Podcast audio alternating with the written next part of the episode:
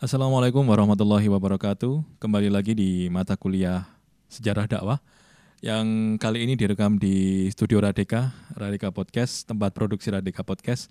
Dan ya tema kita hari ini adalah dakwah pada masa Bani Abbasiyah.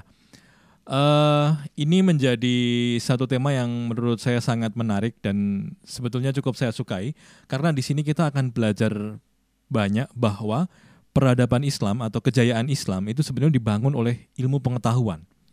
Dan ini terjadi di masa Bani Abbasiyah, salah satu masa keemasannya. Jadi kalau ditanya apa kata kunci Bani Abbasiyah, kata kuncinya adalah ilmu pengetahuan. Dan di masa ini eh, hampir semua ilmu itu berkembang dan kemudian bahkan menjadi patron atau menjadi kiblat bagi ilmu di dunia modern uh, setelah apa namanya setelah masa Abbasiyah selesai begitu ya. Misalkan kita mengenal beberapa ilmuwan uh, seperti Ibnu Sina, bapak kedokteran modern, lalu kita juga mungkin mengenal Al-Farabi, Ibnu Rus, Al-Khawarizmi, Al-Ghazali, Ibnu Khaldun, Al-Kindi itu hidup dan berkembang dan me, apa namanya memberikan sumbangsih terbaiknya bagi ilmu pengetahuan di masa Bani Abbasiyah. Dan uh, saya kira kita perlu menarik uh, permulaan begitu ya, uh, merunut sejarah gitu. Jadi setelah saya ingin saya ingin mengulangi lagi, saya ingin flashback lagi. Jadi setelah Nabi Muhammad wafat dilanjutkan Khulafa Urasidin uh, Ali pada akhirnya uh, apa namanya dibunuh begitu ya oleh seorang penghafal Al-Qur'an. Lalu kemudian dilanjutkan Bani Umayyah. Bani Umayyah tumbang karena moral uh, dan kerusakan di internal mereka sendiri. Lalu muncul kekuatan baru, muncul dinasti baru, yaitu dinasti Abbasiyah. Abbasiyah ini uh, dinisbahkan nama Abbas Abbas ini dinisbahkan kepada Abbas bin Abdul Muthalib, paman Nabi. Jadi masih ada garis keturunan ya dengan dengan Nabi gitu. Ini didirikan pendirinya dinasti Abbasiyah ini Abu Abbas Asofah tahun 132 Hijriah dan Abbasiyah berkuasa atau memimpin selama lima abad selama sekitar 500 tahun gitu ya. Dan ya sebagai sebuah dinasti sama lah kalau polanya sama dinasti itu dari anak keturunan keturunan dan seterusnya gitu ya. Nah perluasan wilayah di masa Bani Abbasiyah ini mencapai wilayah Afrika Utara, Andalusia. Andalusia itu yang kita kenal sekarang Spanyol ya. Uh, apa namanya? Ya Andalusia itu Spanyol di di Eropa gitu. Artinya sudah sampai Eropa, kemudian sampai Romawi Timur, kemudian juga India gitu. Jadi luas sekali atau uh, apa namanya wilayahnya itu tidak hanya sebatas itu itu aja tapi dia sudah meluas ke mana-mana gitu. Dan tidak hanya jadi jangan dibayangkan seperti Belanda menaklukkan Indonesia ya. Kalau Belanda menaklukkan Indonesia itu kan apa kolonialisme penjajahan. Ya bangsa kita seolah-olah tidak dapat apa-apa kan. Menjadi bangsa yang terjajah bangsa yang tertindas begitu. Dan ya ya ya tertindas gitu. Orang uh, kita 300 konon 350 tahun dijajah oleh Belanda tapi tidak fasih juga kita berbahasa Belanda begitu. Dan uh, tampaknya di dunia pengetahuan itu kita juga nggak maju-maju amat gitu. Beberapa negara di Afrika ketika dijajah Prancis bahasa Prancis itu bisa menjadi bahasa kedua mereka atau bahkan bahasa pertama gitu. Makanya coba pemain cek pemain-pemain bola Prancis itu kan rata-rata berkulit gelap itu kan sebenarnya dari dari uh, tanah jajahan, tanah jajahan Prancis di Afrika gitu dan rata-rata mereka ya fasih berbahasa Prancis itu. Misalkan semacam apa ya Senegal atau Pantai Gading itu se seingat saya itu dijajah oleh Prancis itu dan jejak peradabannya itu masih ada gitulah ya meskipun tidak tidak banyak. Indonesia saya pikir Ya mungkin ada, tapi uh, tampaknya berbeda. Beda dengan misalkan ketika Islam datang dan kemudian menyebarkan agama dan kekuasaannya sampai ke Andalusia, saya pikir di situ mereka meninggalkan banyak uh, warisan-warisan kebudayaan dan pengetahuan yang yang saya kira luar biasa gitu. Jadi tidak hanya sekedar menguasai dan sudah gitu, tapi juga mengembangkan masyarakatnya gitu. Oke, okay, uh, masa keemasan. Nah, kita bicara masa keemasan ya, masa keemasan Bani Abbasiyah itu terjadi di masa Harun Al-Rosid. Harun Al-Rosid ini ya negaranya makmur, keamanan terjamin, luas wilayah terbentang dari Afrika Utara hingga India. Dan ya Harun Al-Rosid itu barangkali bagi teman-teman yang waktu kecil membaca kisah Abu Nawas gitu, itu pasti Abu Nawas kan berhadapan dengan Raja Harun Ar-Rasyid. Itu bukan cerita dongeng, itu memang ada di masa Abbasiyah gitu. Di masa Abbasiyah itu ada satu raja yang yang cukup uh, apa kuat gitu, powerful gitu dan dan punya prestasi gitu. Harun Ar-Rasyid namanya dan di masa itulah uh, apa Islam jaya sedang jaya-jayanya dan wilayah apa kepemimpinannya, pusat kepemimpinan itu di Baghdad. Di Baghdad itu banyak sejarawan asing, ini bukan sejarawan Islam tapi sejarawan asing, sejarawan barat mengatakan Baghdad itu bersinar terang benderang bukan oleh karena lampu-lampu, tapi bersinar terang benderang karena ilmu pengetahuan. Penggambarannya itu bahkan e, terpaut beberapa meter, terpaut beberapa kilometer gitu sudah ada perpustakaan, sudah ada toko buku. Saya membayangkan orang di masa itu tuh sangat cinta dengan ilmu pengetahuan sehingga kemudian bisa mencapai peradaban yang yang yang luar biasa begitu dan itu terjadi di masa e, Bani Abbasiyah gitu. Nah, yang terpenting juga di masa apa Harun Ar-Rasyid memimpin di masa Abbasiyah keemasan di masa keemasan Abbasiyah itu ada yang namanya Baitul Hikmah. Nah, ini menarik. Baitul Hikmah. Baitul Hikmah itu sebuah tempat, di situ ada perpustakaan, juga ada laboratorium, di situ juga ada tempat untuk diskusi dan itu kayak orang menggodok. Ilmu pengetahuan tuh di situ. Penerjemahan terjadi di situ, ahli kimia, ahli fisika, geografi. Itu uh, apa namanya ber apa ya menjadi kawah candra di muka gitu lah. Kawah candra di muka tinggal godok uh, ilmuwan-ilmuwan itu untuk kemudian memberikan sumbangsihnya. Banyak sekali tidak hanya sekedar urusan fikih bahasa Arab itu bukan hanya ilmu-ilmu agama yang yang harus teman-teman pahami tapi juga uh, ya ilmu umum gitu ya ya geografi ya astronomi begitu itu dipelajari gitu. Bahkan kalau kita buka sejarah yang menemukan globe atau bola dunia itu ilmuwan muslim seorang ilmuwan muslim yang waktu itu uh, apa namanya berada di nah ada satu masa Islam itu sampai ke Italia. Jadi wilayah kekuasaan Islam itu sampai di Italia. Dan raja di Italia ketika itu meminta kepada seorang ilmuwan muslim ini untuk uh, membuat bola dunia dan dan ya dia uh, berhasil membuatnya begitu. Seorang ilmuwan muslim itu. Nah, dari situ sebetulnya sudah jelas sejarah menyebutkan bola dunia ya bukan berarti kan bumi itu bulat bukan datar gimana kalau ada yang percaya bumi itu datar? Pada ilmuwan kita dulu itu sudah sudah membuat bola dunia gitu. Bukan bukan hanya sekedar peta yang datar begitu saja. Oke okay, uh, eh, ya di di masa itu di masa Abbasiyah kita kembali lagi di masa Abbasiyah di masa uh, Harun ar-Rasyid Baitul Hikmah betul-betul menjadi epicentrum. Baghdad betul-betul menjadi titik penting, pusat penting bagi bagi peradaban Islam begitu ya. Dari situlah kemudian Islam bisa memberikan pencerahan. Dunia itu gelap. Eropa waktu itu Eropa masih gelap. Eropa itu masih sangat tertinggal gitu. Eropa masih sangat tertinggal. Sementara di dunia Islam waktu itu di masa di masa itu itu sudah sudah terang benderang. Mereka uh, sangat sangat uh, saya menyebutnya apa? Open open mind. Artinya apa? Sangat terbuka dengan berbagai macam ilmu pengetahuan gitu. Dari ilmu-ilmu dari Yunani mereka serap mereka terjemahkan mereka pelajari gitu. Bisa dibayangkan teman-teman kalau misalkan kemudian mereka uh, tidak membuka pikirannya pikirannya tidak terbuka ya mereka akan sangat uh, sempit sekali cara berpikirnya. Artinya ya hanya mempelajari keilmuan agama saja gitu, tidak mau membuka diri kepada ilmu-ilmu yang lain. Tapi ternyata tidak. Ilmuwan-ilmuwan kita di masa Bani Abbasiyah memberikan teladan itu. Gitu. Nah, sekali lagi sebagaimana yang saya bilang di awal, sejarah bukan soal hafal menghafal, tapi juga soal mengambil hikmah dari apa yang sudah kita pelajari. Dari sinilah kemudian kita bisa mengambil pelajaran. Kalau Islam mau besar, kalau Islam mau jaya, itu bukan hanya soal perkara jumlah gitu tapi juga kualitas.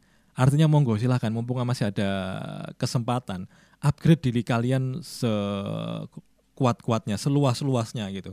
Serap ilmu pengetahuan sebanyak-banyaknya gitu. Karena di situ malah justru penting bagi bagi kejayaan Islam dalam tanda kutip ya bukan hanya sekedar wah jumlahnya akeh gitu ya bisa mengumpulkan banyak masa bukan hanya itu kalau cuma banyak-banyak kan akeh tunggale ya kuantitas oke okay, sebagaimana yang pernah saya bilang ya tapi kualitas itu juga penting gitu. Dan dulu dulu itu dibangun dari ilmu pengetahuan gitu. Dan ya madhab apa namanya fikih yang empat itu ya Syafi'i, Hambali, Maliki itu uh, di masa Abbasiyah juga gitu. Jadi saya membayangkan orang-orang dulu tuh apa sangat rakus akan ilmu pengetahuan, sangat rakus terhadap ilmu-ilmu baru begitu. Sehingga uh, ya apa saja bisa bisa tumbuh di situ tuh apa nuansanya itu nuansa akademik sekali begitu loh apa semangatnya itu semangat untuk membangun keilmuan membangun peradaban gitu ya kalau kita lihat saya membayangkan dulu ada Baghdad itu terus di sini kita punya Pucangan gitu. Pucangan itu sebagai sebuah kampus itu kita lebih rame warung ayam geprek atau toko buku. Saya nggak tahu Pucangan ini kan kita juga nggak punya toko buku ya, sangat sangat sepi sekali. Forum-forum diskusi namanya juga sudah bertumbangan begitu. Padahal ini adalah epicentrum ilmu pengetahuan harusnya harusnya menjadi epicentrum ilmu pengetahuan begitu. Tapi ya ya kontras sekali tidak ada toko buku tidak apa namanya tidak ada forum-forum diskusi yang yang riuh gitu ya ya mungkin ada tapi satu dua gitu di UIN Jakarta dulu saya masih ingat ada satu toko buku dekat kampus namanya toko buku gerak-gerik dan dia menyediakan banyak sekali buku-buku bagus yang saya rasa itu lebih lebih menarik begitu daripada sekadar perpus kampus yang kadang-kadang hanya buku-buku perkuliahan ya. Tapi kemudian akhirnya tumbang juga sih dihajar oleh zaman, dihajar oleh gadget barangkali internet ya sehingga mereka tumbang juga gitu, nggak kuat sewa toko, akhirnya ya sudah gitu, mereka mencari hal lain begitu ya. Ya nggak tahu akhirnya ke mana. Buku-bukunya pun mungkin juga sudah uh, dijual murah barangkali begitu di di diskon murah yang penting laku gitu. Karena ya ya tidak bisa bertahan menghadapi gemburan zaman begitu.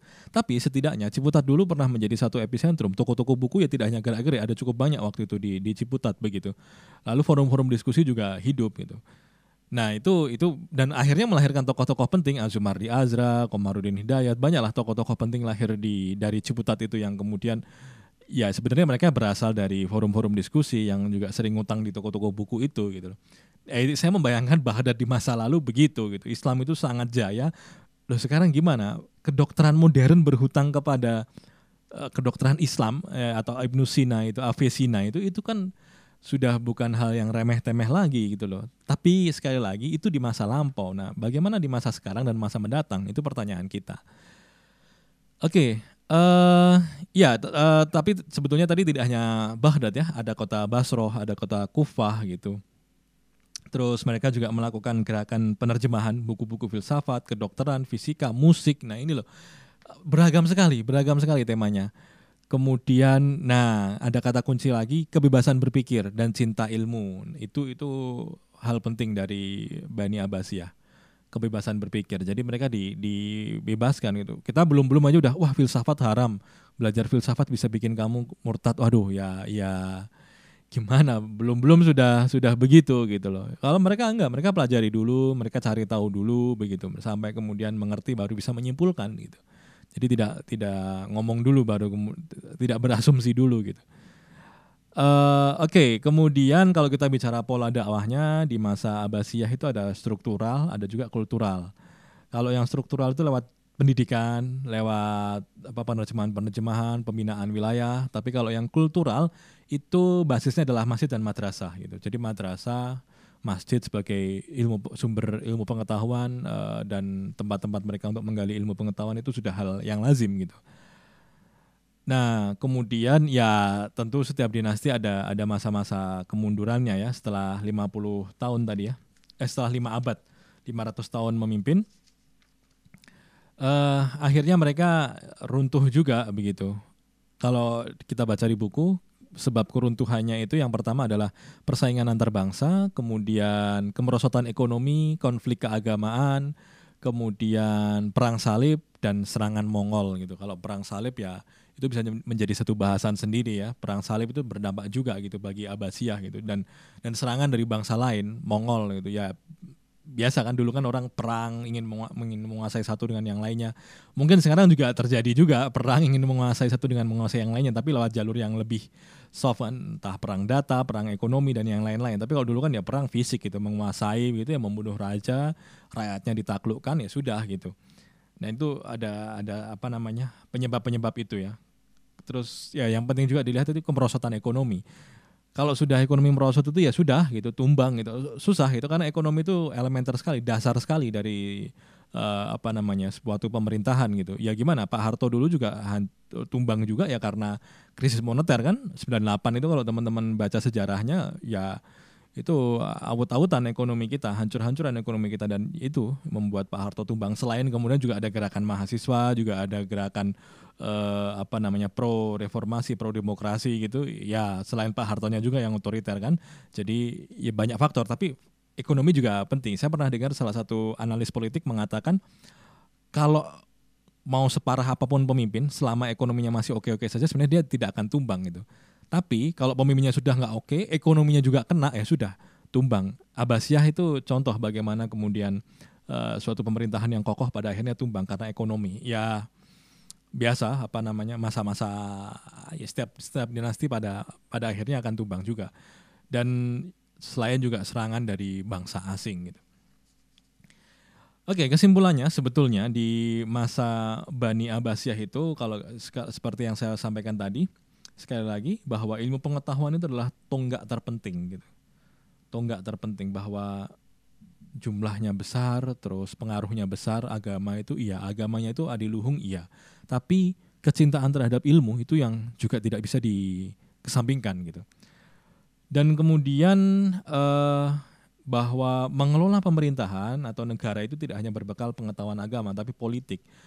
Ya apa ya negara itu kan kompleks, suatu pemerintahan itu kan kompleks sekali, tidak hanya sekedar uh, punya dukungan atau tidak punya dukungan, tapi juga bagaimana dia bisa membangun masyarakat yang yang beradab, masyarakat madani lah ya, mensejahterakan masyarakatnya, tidak hanya berbekal uh, pengetahuan agama belaka gitu, tapi kemudian juga uh, politiknya juga harus kuat, eh, dia bisa mengatur ekonominya juga harus kuat gitu. Makanya sebenarnya rumit sekali gitu. Apalagi kalau dalam konteks sekarang ini dihajar wabah sedemikian rupa itu ya pusing juga barangkali kan. Jadi saya kira itu uh, kuliah kita hari ini tentang dinasti Abbasiyah. Ini saya pikir teman-teman nanti bisa baca baca sendiri beberapa prestasi-prestasi lain begitu ya Bani Abbasiyah, tokoh-tokohnya siapa saja itu menarik sekali untuk dibaca begitu. Dan ya yang terpenting itu tadi ya katakannya ilmu pengetahuan, masa keemasan di, di masa Harun al-Rasyid, di saat itu juga ada Baitul Hikmah gitu ya. Tidak hanya memperbanyak masjid-masjid tapi juga perpustakaan, laboratorium, tempat-tempat diskusi. Itu yang penting. Jadi tidak hanya sisi spiritual agama saja. Oh itu penting tentu saja, tapi kemudian sisi eh, pendidikan ilmu pengetahuan itu juga harus dikuatkan gitu. Saya kira itu ya uh, diskusi kita sejarah dakwah pada kesempatan kali ini. Terima kasih sudah menyimak dari awal sampai akhir. Ketemu lagi minggu depan. Akhirul kalam. Assalamualaikum warahmatullahi wabarakatuh.